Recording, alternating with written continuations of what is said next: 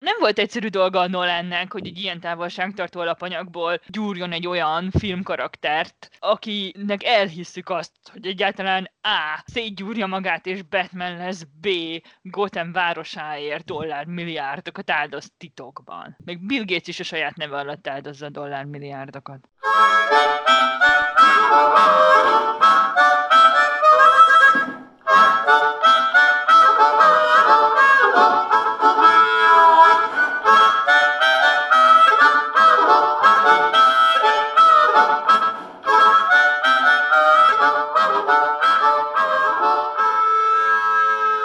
Sziasztok! Ez a Képregények titkos élete ötödik adása. Én Mráz István vagyok, műsorvezető társam pedig Szép Eszter. Sziasztok! A mai adásban szuperhős képregényel fogunk foglalkozni, bár mi magunk is elgondolkoztunk rajta, hogy mennyire szuper ez a hős, vagy ki is igazán a szuperhős van a képregényben. Ezt lelepleznéd a mai képregényünket? Ma Frank Miller és David Mazzucchelli Batman az első év című képregényével fogunk foglalkozni. Ez a képregény 1987-ben jelent meg. Úgy látszik, mindig én vagyok az, aki elmondja a megjelenési évszámokat a podcastban, de én mindig fontosnak tartom, hogy mikor jelenik meg egy képregény. A 80-as évek végén történik a szuperhős szerepek és az ábrázolt erőszak újra gondolása a képregényekben, és ez a Frank Miller darab, mint hogyha már elkezdené a szuperhősök lélektani ábrázolását, és egy kicsit sötétíteni Batman világát, ugyanakkor szerintem ennél azért sokkal brutálisabb darabok is vannak, és lesznek hamarosan a 80-as és a 90-es években. Fun fact, hogy ezt a képregényt a Miller Sötét Lovag visszatér sorozat után írta. Ugye a Sötét Lovag visszatérben egy öreg batman látunk, aki átgondolja az életét, és hogy mit is ért el eddig, végül egy ilyen teljesen utopisztikus világot teremt magának, így a lezárásban. Ebben viszont meg a Batmannek az ifjúkorát és a kezdetei tárja föl. Ez szerintem borzasztó érdekes, hogy először írta meg a Batmannek a végét, és utána kezdett el foglalkozni a Batmannek a fiatal korával. Kettő képregény között egyébként a szemléletbeli különbség is szerintem szembeszökő. A Sötét Lovag visszatér, ez egy társadalmi szatíra, az első év az pedig egy kis realista film noir voltak éppen. Egy rózsaszín kis realista film noir. Mint most megtudtam a felvétel előtt 10 perccel az Istvántól, a David Mazzucchelli felesége, aki festő színezte ezt a képregényt. Ha jól olvastam, eredetileg egy grafik novelnek szánta a Miller, de végül a kiadó meggyőzte róla, hogy legyen sorozat. Így rosszabb minőségű papírra is készült, és a színezés az például ezért mentek ennyire ilyen alapszínekre, meg ilyen nagyon egységes színezésekre, hogy ezekre a rosszabb minőségű képregény papírokon is jól nézzen ki a képregény. Várjál, most színe... szerintem itt az ideje, hogy mondta, hogy képregényt a kezekbe. Akkor képregényt a kezekbe, és akkor lássuk is. Ez pedig, ami a 2006-ban a Batman kezdődik című film idején megjelent magyar kiadás, ami szerintem gyönyörű lett, és tök jó, hogy így egyszerre hozza ezt a ponyva kinézetet, de a kivételezése az teljesen minőségi, és a fordítása is nagyon jó. El kell mondanom, hogy Galamb Zoltán fordította, aki a Szent László gimnáziumban volt tanár, amikor én ott érettségiztem. Az első év az ismert Batman eredet történetet próbálja meg elmesélni egy másik szemszögből. A legnagyobb újítása az, hogy nem csak a Batman harcának a kezdet, kezdetét mutatja be, hanem vele párhuzamosan azt is, hogy Jim Gordon nyomozó hogyan kezdi el szintén a, a Gothamben való tevékenységét, és e között a kettő között állít párhuzamot. Elgondolkoztató az is, hogy vajon a Batman a főszereplőben a képregényben, vagy inkább a Gordon felügyelő, ugyanis Batman kívülről kerül bele ebbe az egészbe, míg a Gordon ott van a közepén ennek az egész korrupt, szennyes világnak, ahogy ketten harcolnak az igazságért, és ahogy egymásra találnak, ezt mutatja be ez a képregény. Neked mi tetszett a legjobban az első évben? Nagyon szeretem a vizuális világát, szerintem nagyon jót tett ennek a képregénynek, hogy nem Frank Miller rajzolta. Ezt én akartam mondani! Ez a Frank Miller rajzait bátran lekezelők klubjává alakult ez az adás. Alig csak pár perc kellett hozzá. Na miért tett jót neki? Azért, mert a Mazzucchelli egy ilyen sokkal kifinomultabb világa van, nagyon sokrétű tehetség, és ebben a képregényben is valami egészen másabb próbálkozik. Gyönyörű ez a kis realista világ, amit megalkotott. Ebben van egy csomó kis utalás is. Például az én kedvencem az az, amikor az eszennyomozó és a Gordon járnak kávézni. Ennek a kávézónak a kinézet erősen hasonlít a Hoppernek a Nighthawks című festményére, és még fölé is van írva a kávézóra, hogy Hopper. Ezzel is megtámogatva ezt a vizuális inspirációt, amit használt. Meg a fényei is jók. Egyrészt a Hopper festménynek is természetesen, meg ahogy újra rajzolja a Mazzucchelli, és nekem igazából ennek a képregénynek a színezése az, ami nagyon tetszett. Ez az olcsó papíron kontrasztált szín, amit az előbb említettél, ez nekem nagyon bejött. Ezek a átmenet nélküli nagyon egyszerű színezések. Azzal együtt, hogy örülök, hogy nem Frank Miller rajzolta, azzal együtt azt gondolom, hogy azért akciójeleneteket a Frank Miller jobban rajzol, mint a Mazzucchelli. A sötét lovag visszatér, dinamikusabb és akciódusabb, mert valahogy máshogy ábrázolja a mozgást a Miller, mint a Mazzucchelli. A Mazzucchelli szerintem kifejezetten statikus, ilyen szoborszerű alakokat rajzolnak, ilyen gyönyörűen megkomponált képeket, kevés bennük az akció. Hozzám ez közelebb áll, mégpedig azért, mert ebben a képregényben sokkal jobban el lehet mélázni a dolgokon. És szerintem még egy sokkal folyamatosabb is ezért a befogadása. Könnyen föl lehet dolgozni, könnyű a szövegekkel összekapcsolni, jó egységet alkot az egész. A sötét lovag visszatérnél az ember folyamatosan kapkodja a fejét, hogy most mi történik, melyik szöveg melyik képhez tartozik. Úristen, ott is van egy kép, azon először nézzük meg, hogy mi van rajta, mert olyan pici, hogy nem biztos, hogy látom, de még egy szöveg is kapcsolódik hozzá, azt kimondja, hol vagyunk, mi történik. Én iszonyatosan sűrű ez az egész. Képregény világához nagyon jól illeszkedik. Míg mondjuk az első évnél azt gondolom, hogy a vizualitás nagyon jól illeszkedik szintén az ábrázolt világhoz. Ez egy olyan világ, bár mondtuk, hogy realista, de szerintem egy ilyen elég absztrakt elvek alapján működik. Egy nagyon erős dihotómia van benne, hogy vannak a nagyon gazdagok, a nagyon szegények, a nagyon gonoszok és a nagyon elesettek, a kizsákmányoltak. Nincs a kettő között egy ilyen szürke zóna, egy ilyen átmenet. Látjuk, hogy a barikádnak melyik oldalán kik állnak. Ezekben a tisztán befogadható képekben könnyen, egy könnyen átlátható világot látunk.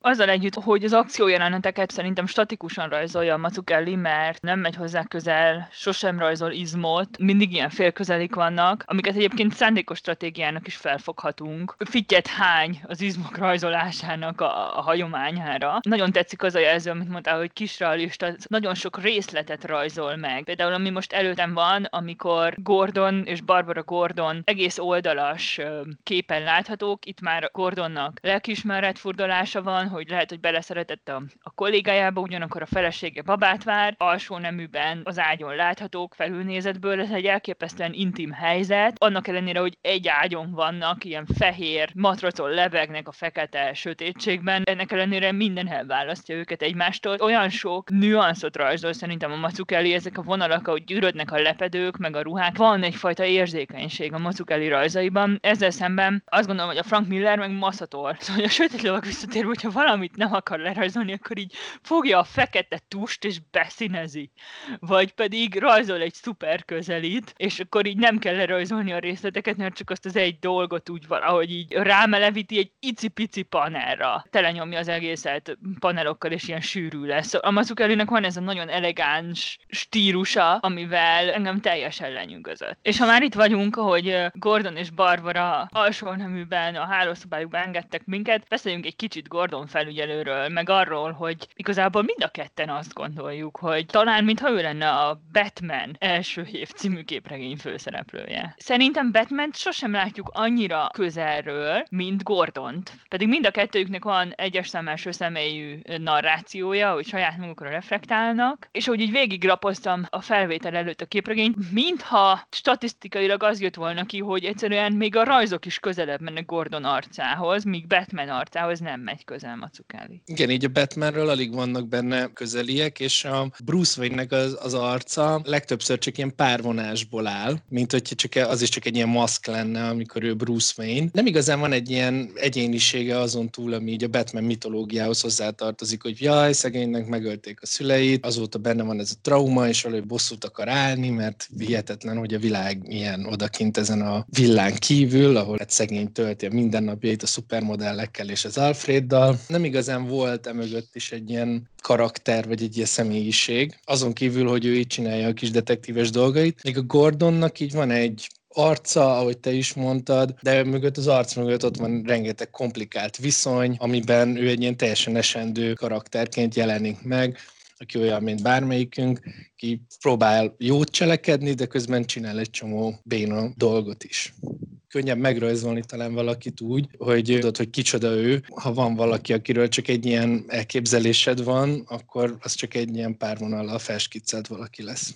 Én is azt éreztem, hogy nincs egyénisége a Batmannek, hogy mint hogyha lenne egy ilyen checklist, hogy ki kell pipálni, hogy mik történjenek Batmannel, és akkor azok megtörténnek, de nincsen lelke valahogy. Míg a Gordonnal egy, egy olyan dráma történik, aminek a legjobb színhelye Hopper Nighthawk című festménye, ő ebben a festményben él, és most azon is vívódik, hogy mi történik a presztis harccal az irodában, és mi történik a házasságával, sokkal emberközelibb, az átlagemberhez közelebb álló vívódásokon megy keresztül. Az egyetlen hely igazából, ahol azt éreztem, hogy mintha egyénisége lenne a Batmannek, az az elején van, amikor egy tűzlépcsőn három kamasszal verekszik, akik mondjuk, hogy talán ha jól emlékszem, akkor egy, egy hatalmas rádiómagnót lopnak, vagy valamilyen elektronikai berendezést, és akkor nagyon béna a Batman, és majdnem megöli az egyik srácot, és miközben meg akarja menteni azt a srácot, akit majdnem megöl, a közben megtámadja a másik két srác, és ott a belső monológban valahogy úgy éreztem, hogy ez most egy reális aggodalom, hogy megy föl benne az adrenalin, és megpróbál a lehető legkevesebb kárral kimászni abból a garibából, amit saját maga idézett elő, és ez volt az, ahol úgy éreztem, hogy oké, okay, ez, egy, ez mondjuk egy hiteles ábrázolása valakinek, aki ekkor a szarba került a saját hibájából. De nagyon ritkán volt az, hogy működött ez a belső narráció számomra. Van az egy jelenetben, azt látjuk, hogy ő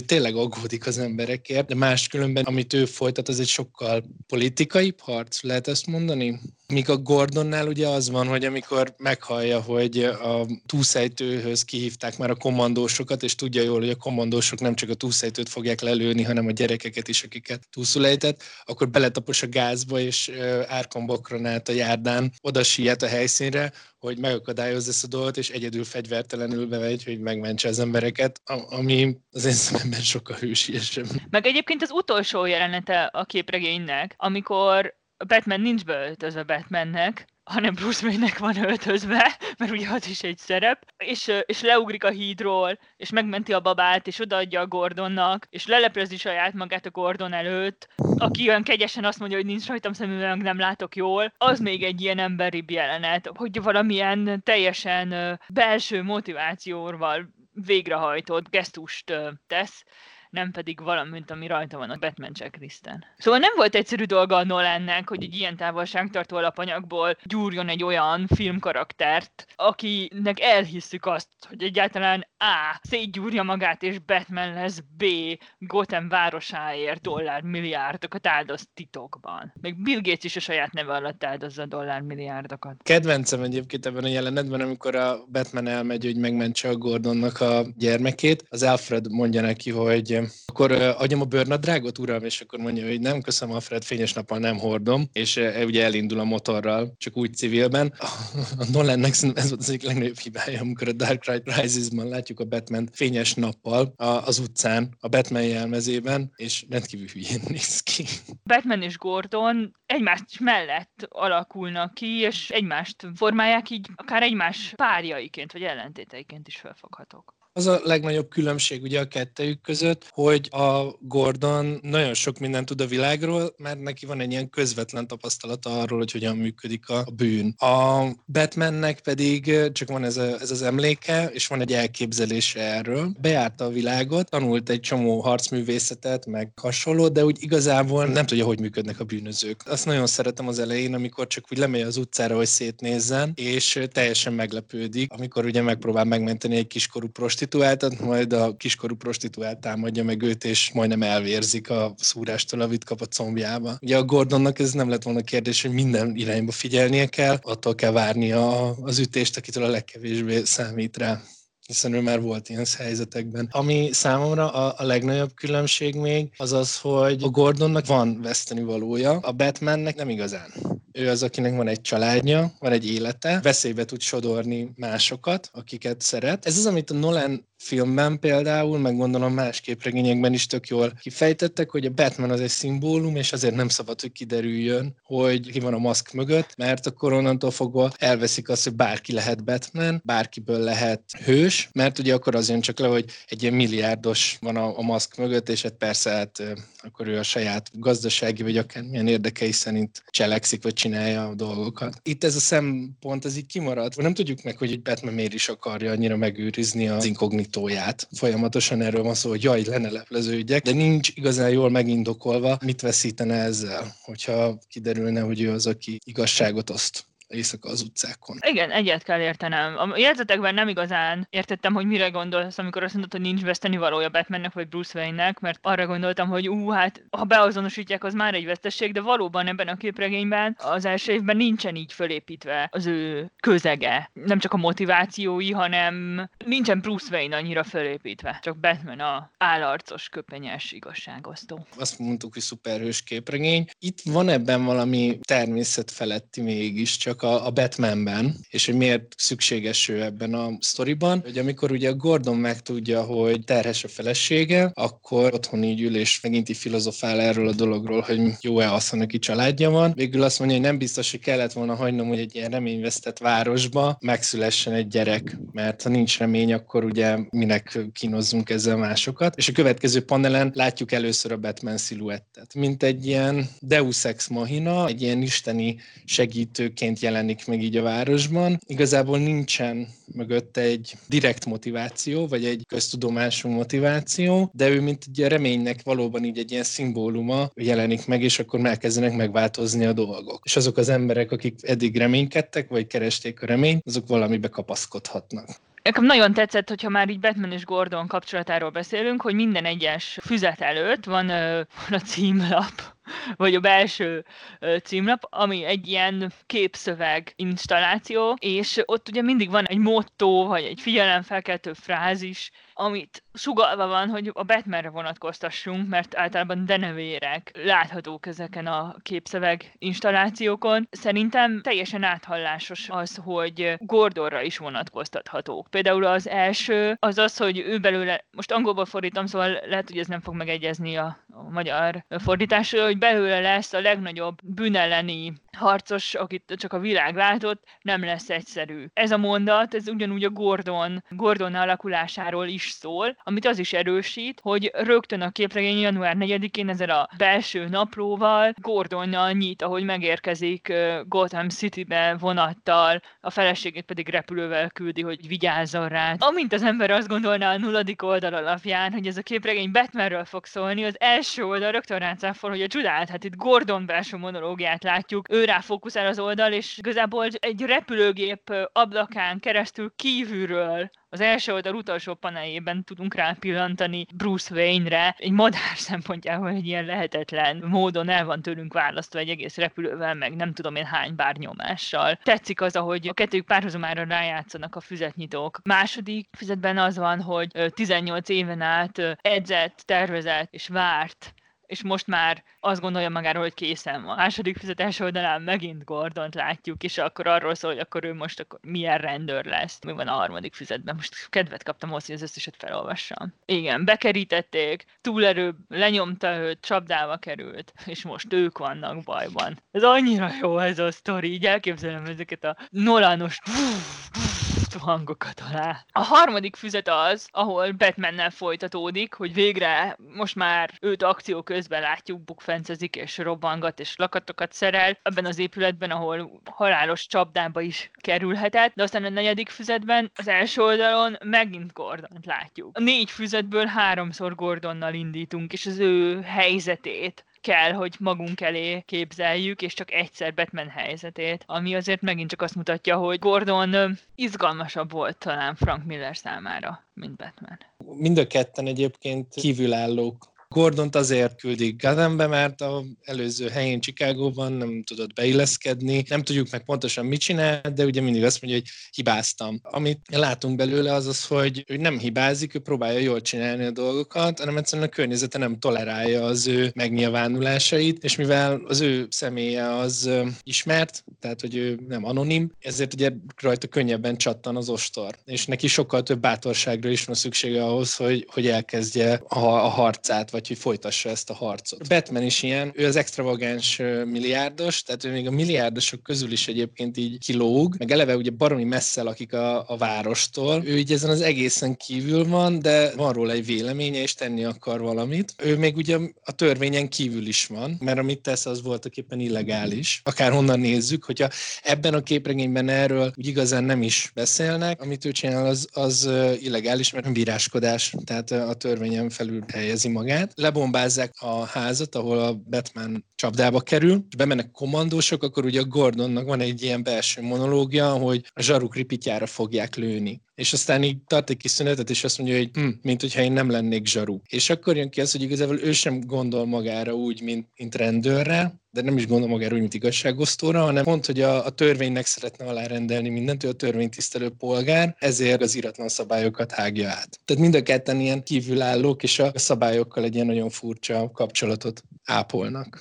A Gordon szerintem így a kötelesség felől is értelmezhető figura. Tehát, hogy ahogy a chicagói múltjával áthelyezésével kapcsolatban is azt mondja, hogy nem azt tettem, amit kellett, mint hogyha mindig tudná, hogy mit kell tenni, vagy mi az elvárás, akár a rendőri munkájában, akár kapcsolatában. De ez a tudás, ez nem jelenti azt, hogy mindig makulátlanul és hibátlanul is fog cselekedni. Szerintem attól lesz egy nagyon esendő karakter, hogy hiába van ez a tudása, hogyha nem képes, vagy időnként nem akar úgy cselekedni, hogy mindig külön válassza a jót és a rosszat, és mindig egyértelműen csak a jót tegye meg. A felvétel előtt beszélgettünk erről a témáról, hogy ebben a képregényben az első évben valahogy ilyen egyszerűnek tűnik a világ, mondhatok ilyet, hogy van a jó ügy, meg a, rossz ügy, meg a világos, meg a sötét, ezt például olyan filmjei jelentősen komplikálják. Nekem még az jutott az eszembe így a, a Gordon esendőségek kapcsán, és ez is például egy olyan dolog, amiben a, ő meg a Batman így eltérnek, hogy a Gordon nagyon ösztönös. Azt csinálja, amit a zsigerei diktálnak, tehát nem gondolkozik, amikor be kell mennie például a túlszejtőhöz, hanem oda meg ledobja a pisztolyt és elindul. Nincs megtervezve ez a dolog, nincs, nincs kitalálva, nincs semmilyen empirikus bizonyíték. A Batman meg mindent megtervez, minden ki van találva. Amikor meglátogatja a város hatalmasságait, és megfenyegeti őket, meg van tervezve, mikor kell bedobni a friss bombát, hova rakom a lámpát, mikor robbantom ki a, a falat, hogy mennek a belső monológiai, hogy hallgatja, hogy beszélgetnek oda benne, és akkor írja, hogy még nem, még nem, még nem jött el az alkalmas pillanat. Tehát, hogy ez, a, ez az iszonyatosan megtervezett világa van. A Gordon ez az ösztönösség abban is kijön, amit te is mondasz, hogy ő így tudja, hogy mit kell csinálni, ami a kötelessége, de hogy nem tud ellenállni bizonyos dolgoknak. Ez, ez mutatja ez a szerelmi szál is a képregényben, amikor összejön az Essennel, nem tud parancsolni a szívének, és voltak éppen árulást követel. Míg ugye a Batman meg abszolút tényleg semmi ilyen ösztönösség nincs benne, ugye amikor a Gordon meg a felesége meglátogatják, hogy kikérdezzék, akkor is ugye úgy csinál, mint a pesgőzne és csajozna, de igazából ugye utólag kiderül, hogy ásványvíz van a pesgős üvegben, és hát a csaj is csak úgy oda lett hívva. Tehát, hogy neki tényleg nincsen egy ilyen magánélete, az erősödik tovább, hogy ő egy ilyen üres váz. Ugye a Nolan filmekben például az a nagy különbség, hogy megpróbálja árnyalni ezt a világot, és a batman is, hogy sokkal több a szürke zóna, sokkal több az átmenet. Ez a nagy kérdés, hogy mi a fontosabb, hogy rendkívül emberiek legyünk, vagy pedig az, hogy maradjunk egy ilyen szimbólum, egy ilyen szimbolikus erő, ami megpróbál rendet vágni a káoszban, illetve az is egy kérdés állandóan, hogy mi a káosz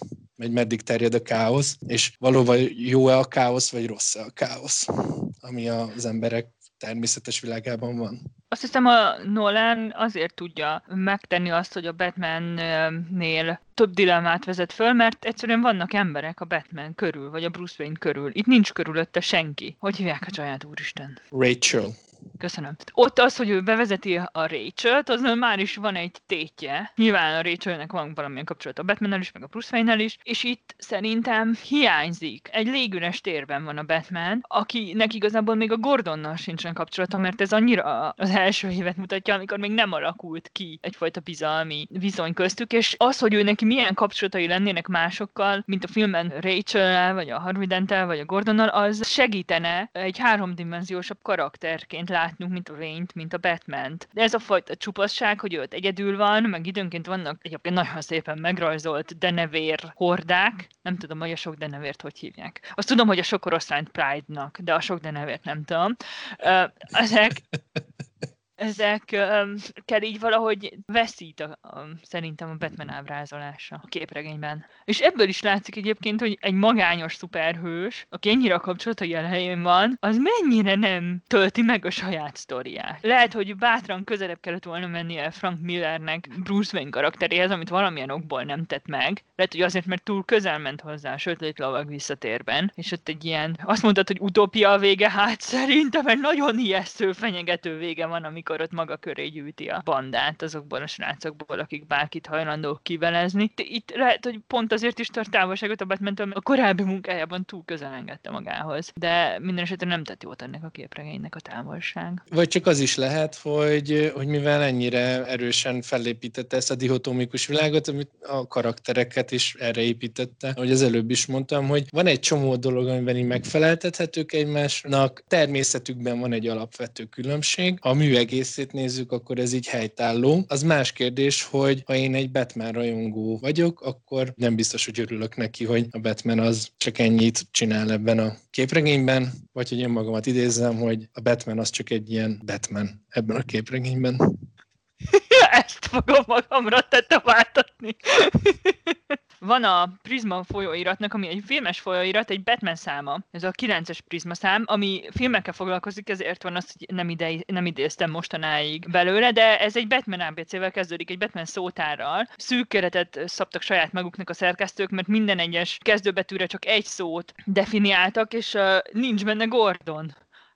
Így, így el van felejtve, de azért a mentségükre szolgál a, szerkesztőknek, hogy a G betű az ott van a Gotham City, amit meg tényleg muszáj belerakni egy ilyen szótárba, de valamilyen szinten olyan természetes, hogy ott van ez a Gordon, és akkor segít. Tetszik, hogy állni ez a képregény. A másik dolog, amiről beszéltünk, hogy Batman csak egy ilyen Batman, már azt is tudom, hova fogom tetováltatni egyébként, hogy egy váz, azzal nagyon jól játszik egy Batman képregény, amit véletlenül olvastam, mert megtaláltam a polcon, kiderült, hogy van itthon egy csomó Batman képregényem, csak nem tudtam róla. Szóval, hogy van a Batman újjászületés című képregény, ami ebben a Batman sorozatban jelent meg, és Grant Morrison írta, és a Frank Whiteley és Philip Tan illusztrálták. Ez egy fontos témája ennek a képregénynek, hogy a Bruce Wayne, úristen, most nagyon sok spoiler lesz itt kezdődnek a spoilerek, kedves hallgatók, hogy a Bruce Wayne meghal, és átveszi a Batman helyét egy, egy más.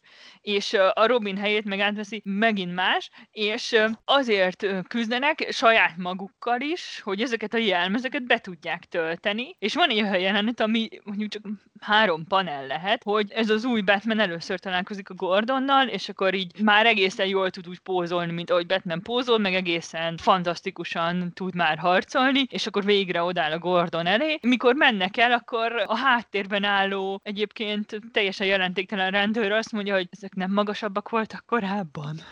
És így, és így hogy, hogy me, zseniális, hogy mennyire nehéz betölteni ezt az üres, nem csak a maszkot, hanem magát a kosztümöt is, meg mindazt, ami vele jár, és most igazából a Batman Year One-ban, vagy az első évben ennek a kosztümnek a megszövése történik szerintem, amit aztán majd lehet szépen árnyalni ezekkel a sötét és szenvedő és kételkedő, meg mindenféle jellemvonásokkal. A Nolan filmekben vannak ilyen jelenetek, ahol a Christian Bale ugye magára veszi a jelmezt, és akkor látjuk, hogy van egy ilyen állványzat, amire így föl van rakva ez a ruha, hogyha valóban lenne benne valaki, de nincs. És annyira fenyegető és nyomasztó, sőt, sőt ijesztő ez, a, ez az egész, így, így üresen. Tehát abban a pillanatban, hogy kerül bele egy ember, akkor már valahogy ilyen sokkal barátságosabban néz ki ez a dolog, de amikor így ilyen, tényleg így nincs benne senki, csak ez a, ez a váz, akkor ez egy ilyen fenyegető, üres és, és sötét ö,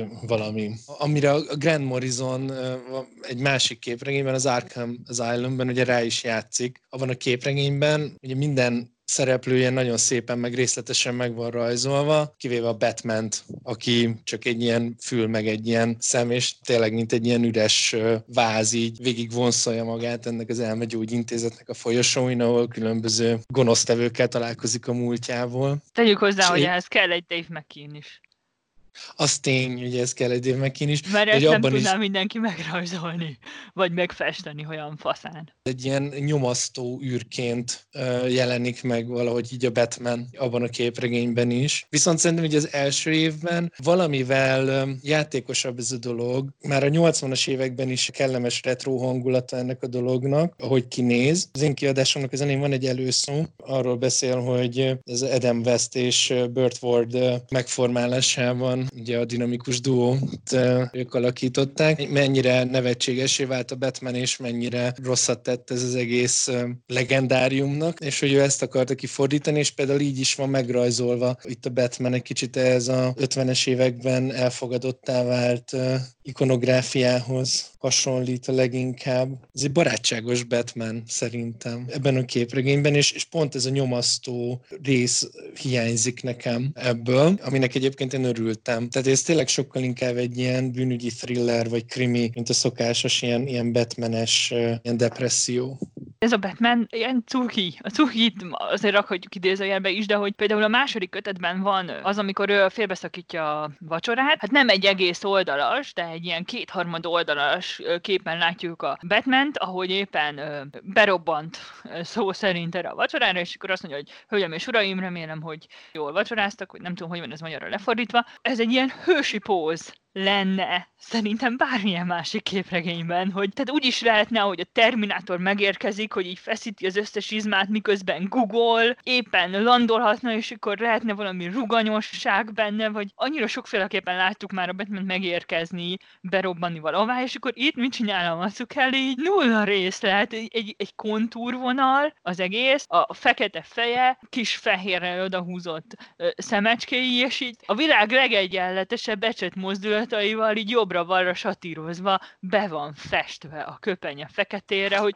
még véletlenül se legyen se izom, se részlet, se dinamika, semmi. Gyerekmesének a, az illusztrálása. Az előbb szittem a Frank Millert ahhoz, hogy mindig feketével maszatol. Itt egy kicsit ebben a kötetben meg keveset maszatolnak feketével, ami azért is érdekes, mert ugye a 80-as évekre tehető az, hogy a szuperhős képregények sötétek lesznek, bedurvulnak, az erőszak ábrázolásában és a pszichés folyamatok ábrázolásában is egyfajta brutalitás veszi kezdetét, és ez erre a képregényre nem jellemző. A nincs benne ez a Batmanes nyomasztás, amiről mondtuk, viszont benne van egy rakás hétköznapi nyomasztás. Például az a jelenet, amiről már te is beszéltél, amikor a, a Gordon ül az ágy szélén és fogja a pisztolyt, közben végül is arról beszél, hogy lehet egyszerűbb lenne, hogyha most megölné saját magát is, és a feleségét. Én mindig azon akadok ki. Van egy ilyen oldal, ahol a Gordon lőgyakorlaton van, és egy,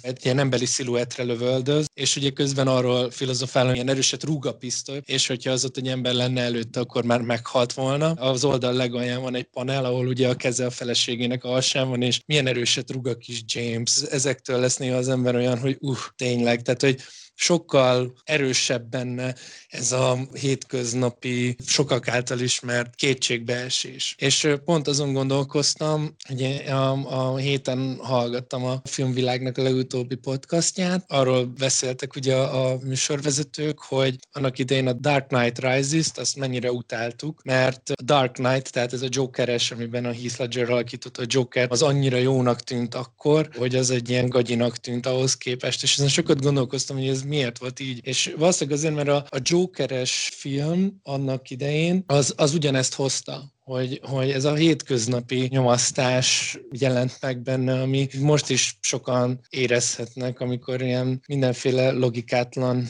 döntéseket látnak a világban. Ott is ezt, ezt a fenyegetést jelenítette meg a Heath Ledgernek a karaktere, hogy ilyen teljesen értetetlen módon ölt meg embereket, meg követett el erőszakot, égetett el pénzt, stb. Ugyanúgy, mint ahogy most mondjuk az Egyesült Államoknak az elnöke mondja azt az egyik pillanatban, hogy nem veszélyes a, a vírus, aztán veszélyes a vírus, aztán van rá gyógyszer, de inkább így elfehérítőt. Csomó ember áll, hogy most akkor így mi van, tehát hogy, hogy mi történik. És ez valahogy akkor is már egy ilyen átélhető volt, vagy érthető volt. Még mondjuk a Dark Knight Rises, a trilógiának a az utolsó filmje, az sokkal absztraktabb, most sokkal aktuálisabbnak tűnik, de abban nem egy ilyen zsigeri hatás van, hanem az is sokkal elgondolkoztató, vagy egy sokkal társadalom filozofikusabb alkotás. Ebben a, az első évben én azt gondolom, hogy így a kettő között nagyon szépen egyensúlyoz, pontosan azzal, hogy, hogy szövegszinten ez egy ilyen, dihotomikus, de ugyanakkor ilyen realista felhangokkal dolgozó anyag, és képi szinten is néha egy ilyen borzasztóan kidolgozott, a haperista stílusokat mutat, máshol meg, ahogy mondod, mint egy ilyen elnagyolt gyerek mese illusztráció, és e között a kettő között szerintem nagyon jó egyensúlyt tart ez a, ez a mű. Mivel korábban már beszéltünk Adam West Batmanjéről, meg most szóba került Joker, és az, hogy azért mégiscsak kellenek a Batman köré emberek, hogy lehessen dráma. Ezért nem tudom magamba tartani, hogy nem mondjam el, hogy mit olvastam tegnap este.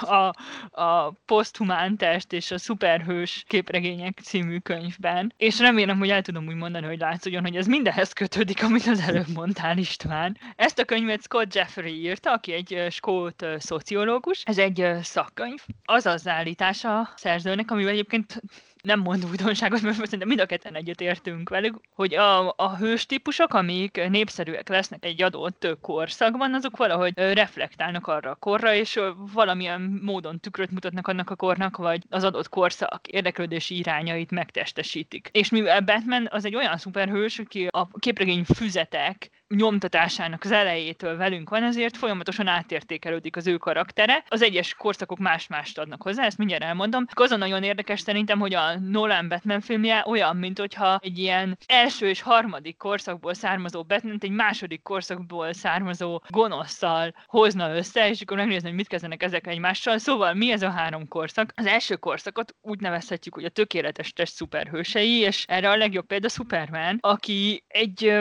Übermensch nevében is, és nagyon sokat ír a szerző arról, hogy amikor a 30-as években Superman megjelenik, akkor abban a korszakban nem csak a nácik voltak elfoglalva azzal, hogy létrehoznák a tökéletes testet, hanem a megelőző évtizedekben Amerikában is az eugenikának komoly kulturális bágyazása volt, és az, hogy biológiai módon egyszerűen a, a reprodukció útján előnybe kellene hozni bizonyos társadalmi csoportokat, míg más csoportokat ki kéne szorítani, ez a gondolat, ez nem csak a náciknál volt meg, bár náluk nyilván egy elképesztő, abszurd, kegyetlen, gonosz módon, hanem Amerikában is jelen voltak ilyen gondolatok, és igazából ez a tökéletes testű Superman, ez ennek a kiélése népírtások nélkül. És akkor a 40-es években a batman is, akinek szintén tökéletes a teste, és superman is elkezdik az amerikai nemzeti érdekek mentén tematizálni, tehát először Superman kiskerteket véd meg, majd pedig utána katonai célokért küzd. Ez az első korszak, korszak, a második korszak, amikor már megjelenik a Marvel új generációs hős.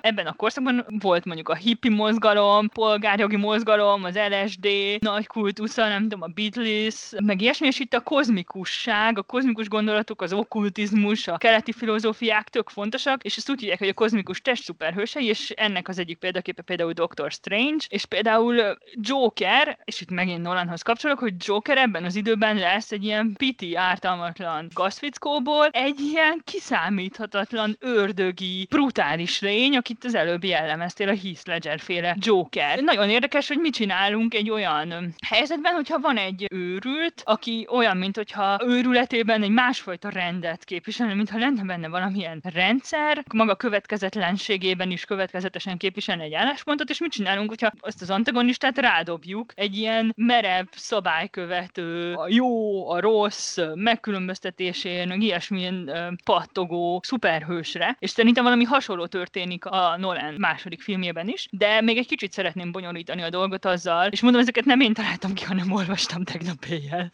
hogy de, van a harmadik típusú hős, ami pedig a 80-as évekre tehető, és még ma is hasonló hősöket hoznak létre. Ezek a katonai módon kitalált testek, vagy katona ipariálag előállított testek, és erre például egy jó példa példa lehet, no micsoda, most ezt a hallgatókat húzom egy kicsit, mondjuk Logan, akit úgy kísérleteznek ki, és ebben a korszakban ezek a tökéletes és katonai eszközöket használó testek a Rambo és a Terminátor alakjában is megjelennek, Batman kütyümütyűiben is. Igazából ezt látjuk, például a Nolan filmekben nagyon nagy hangsúly van arra, hogy a Wayne Corporationnek fegyvertesztelő ága az mennyire sok pénzt hoz, és mennyire sok veszélyt jelent. Ez az első részben a, az, hogy a saját fegyverüket lopják el a razagulék, és fordítják Gotham városa ellen. Úgy jelenik meg a második részben ez a elképesztően ijesztő megfigyelő hálózat, ami igazából szemmel tud tartani mindenkit Batman úgy, hogy Észak-Koreát csinál Gothamből, vagy Kínát, Szóval, hogy, hogy összefonódik a test a katonai érdekekkel is. Első volt az, a tökéletes test, a hármas volt a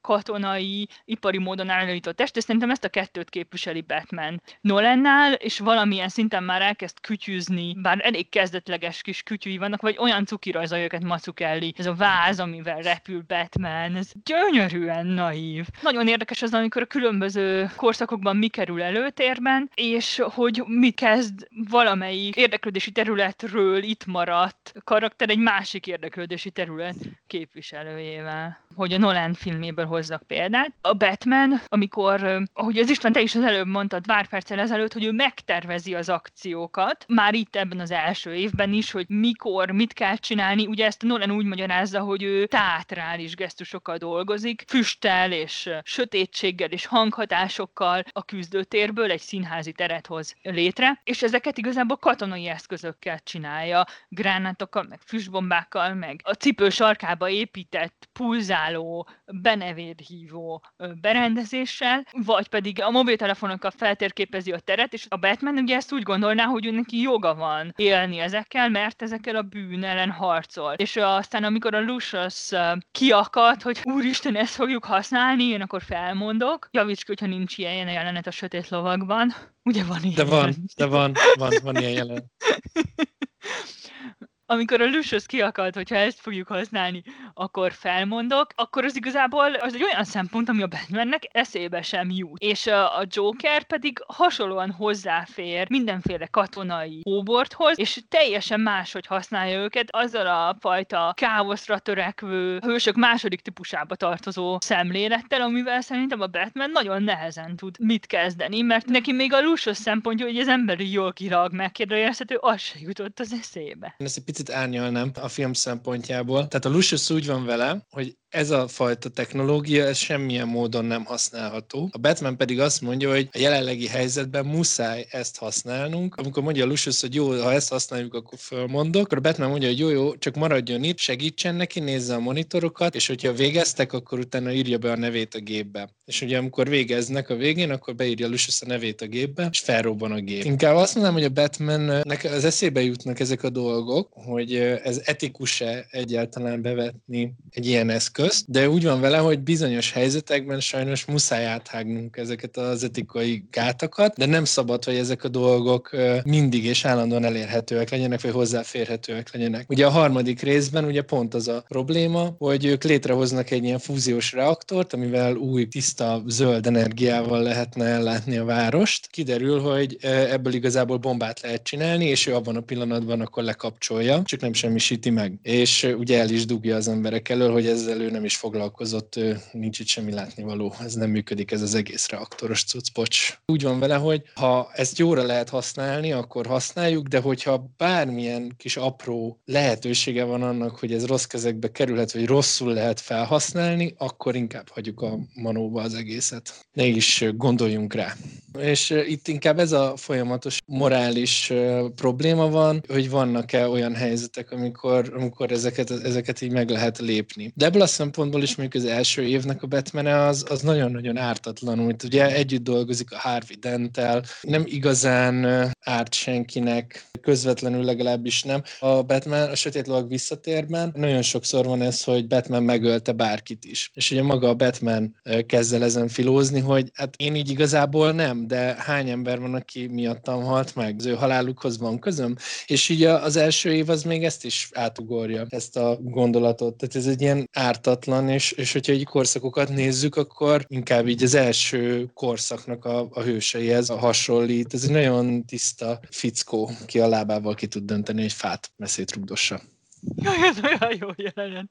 Igen, az első korszakos meg még ezt az Eden West-es naivitást hordozó ember, ami mi, miatt én tényleg meglepődtem, hogy ez 87-es, és hogy a Sötét Lovag visszatér után keletkezett, mert ugye a Sötét Lovag visszatér szokták a nagy 80-as évekbeli három olyan képregény közé sorolni, amik megváltoztatták a képregényről való felfogásunkat. Ugye a második a Watchmen, a harmadik a Spiegelmantól a Mouse, hogy ez a három az, ami valami újat csinált a képregénybe, és hogy ugyanaz a szerző, ráadásul később, mert ha mondjuk korábban lenne, akkor azt mondanám, hogy jó, kísérletezett, és akkor utána csinált valami igazán sok morális kérdést, vagy társadalmi kérdést, vagy a média szerepére vonatkozó kérdést feltevő képregényt, amit végül mind megcsinál a sötét lovag visszatérben, de nem. Ez egy más világot tükröz. Egy ilyen kis cuki anomália, ami nem illik bele abban a modellben, amit felszoktunk állítani, hogy igen, és akkor lélektani hitelesség, meg könyvformátum, meg könyvterjesztés, meg felnőtt olvasók, abból is látszik, hogy ezek a modellek, amiket utólag felhállítunk, mennyire az egyszerűsítésen alapulnak, mert hogyha a piacon nem lett volna igény rá a Batman, akkor nem jelent volna meg. És a piac sokkal szertágazóbb, meg az olvasók is sokkal több mindent értékelnek, mint amire utólag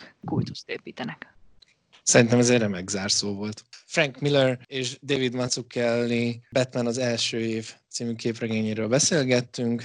Reméljük tetszett nektek ez az adás. Legközelebb egy olyan képregénye jövünk, amiben szintén két fő szereplője van, de a végén még az is kiderülhet, hogy van egy harmadik. Én nagyon szeretem, és alig várom már, hogy arról beszélgessünk. Köszönjük, hogy velünk tartottatok, kövessétek az adás Facebook oldalát, lájkoljátok a YouTube csatornánkat, adjatok értékelést a Spotify, az Apple Podcast vagy a Google Podcast felületein, és az Encore FM-ről pedig az RSS-ünket is le tudjátok szedni, és be tudtok minket követni, hogy értesüljetek a frissebb, ne frissebb információkról képregény oldalakkal illusztrált videót a YouTube csatornánkon találtok. Az aktuális részhez tekkerbe meg is tudod tekinteni az éppen elemzett műnek melyik részéről beszélünk. Bizonyára feltűnt nektek, hogy podcastunknak már zenéje is van. A harmonika szólót köszönjük szépen Meleg Dezsőnek. Illetve még egy utolsó hirdetés, hogy ehhez a mostani Batman témájú podcastunkhoz kapcsolódik egy rövid elemzésekből álló cikksorozat, amit a geeks.444.hu-n tudtok megtalálni. Sziasztok! Sziasztok!